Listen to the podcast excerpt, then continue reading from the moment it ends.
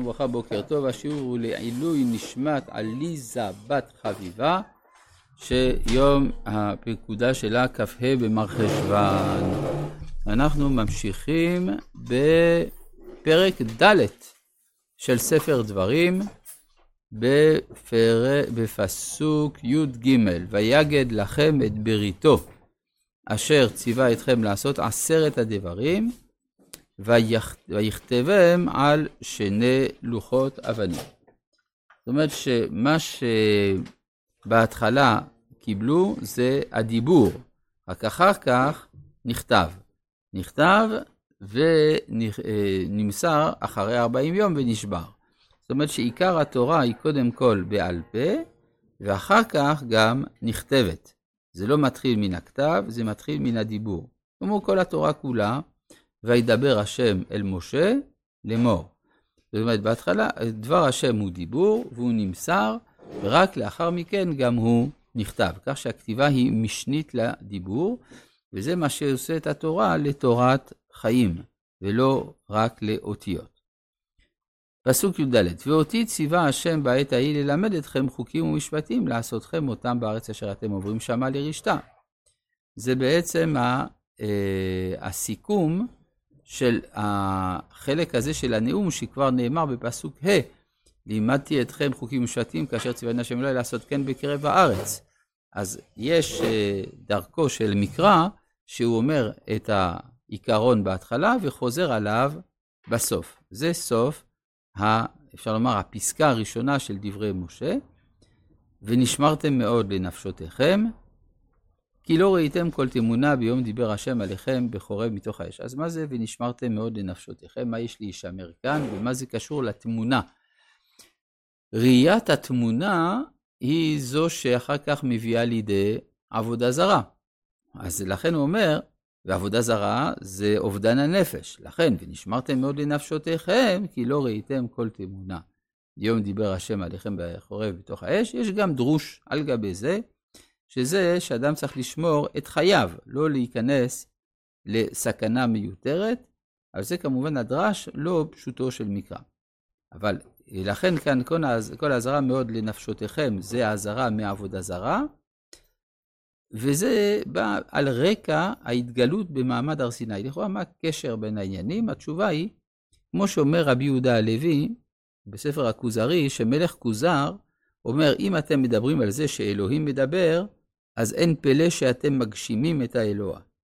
אומר לו החבר, לא, אדרבה.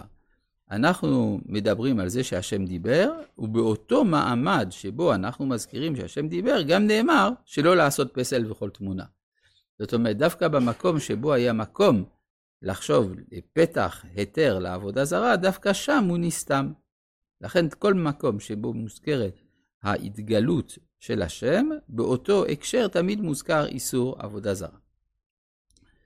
אה, פן תשחיתון, כי לא, ביום דיבר השם אליכם מתוך האש, פן תשחיתון ועשיתם לכם פסל, תמונת כל סמל, תבנית, זכר או נקבה. זאת אומרת, הסכנה שתעשו פסל מתחזקת בעקבות ההתגלות, ולכן שם נאמר לא לעשות.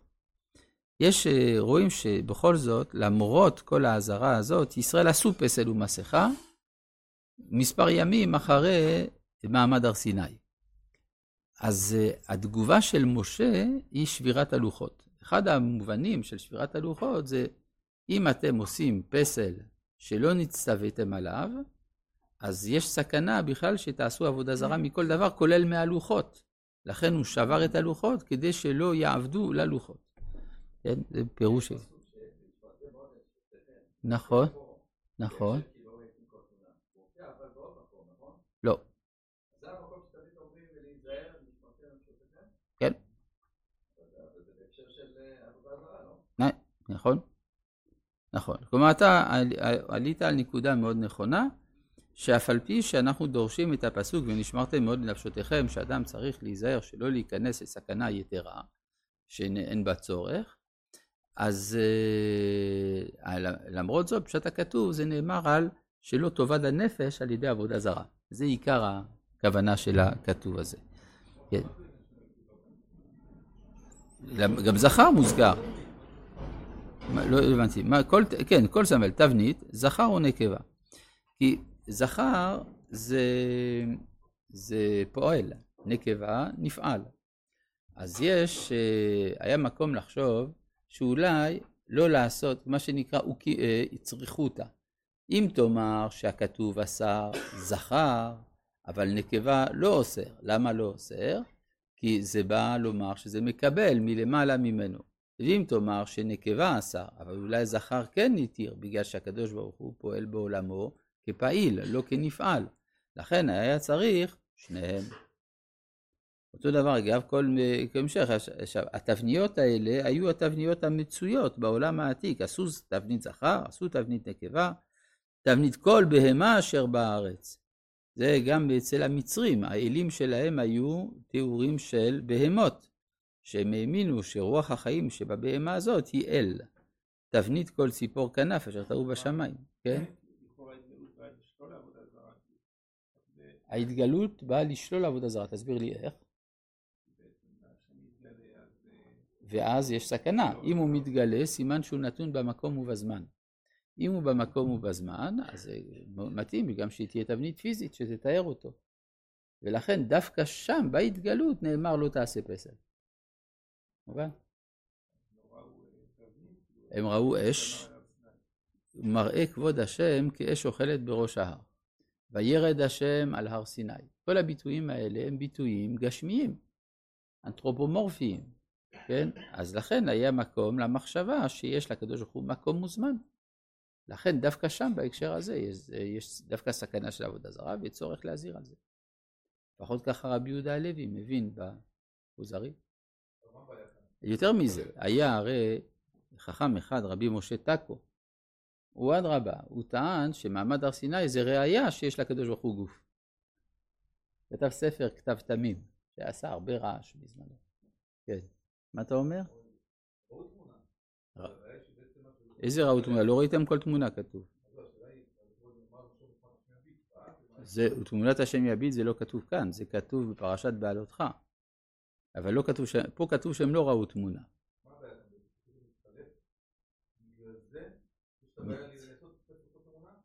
לא, תמונה זה עבודה זרה.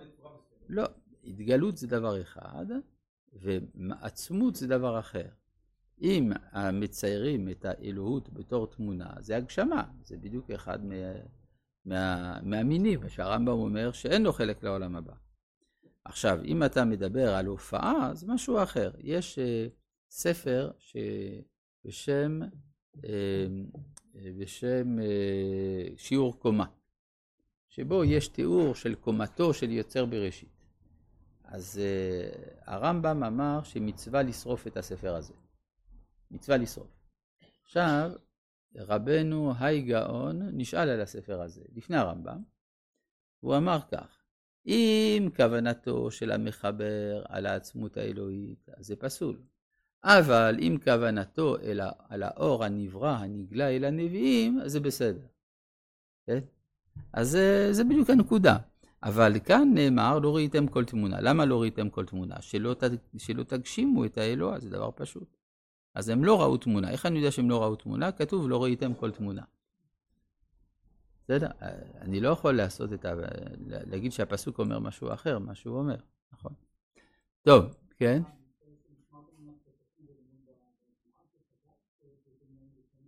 כן, כן, כן.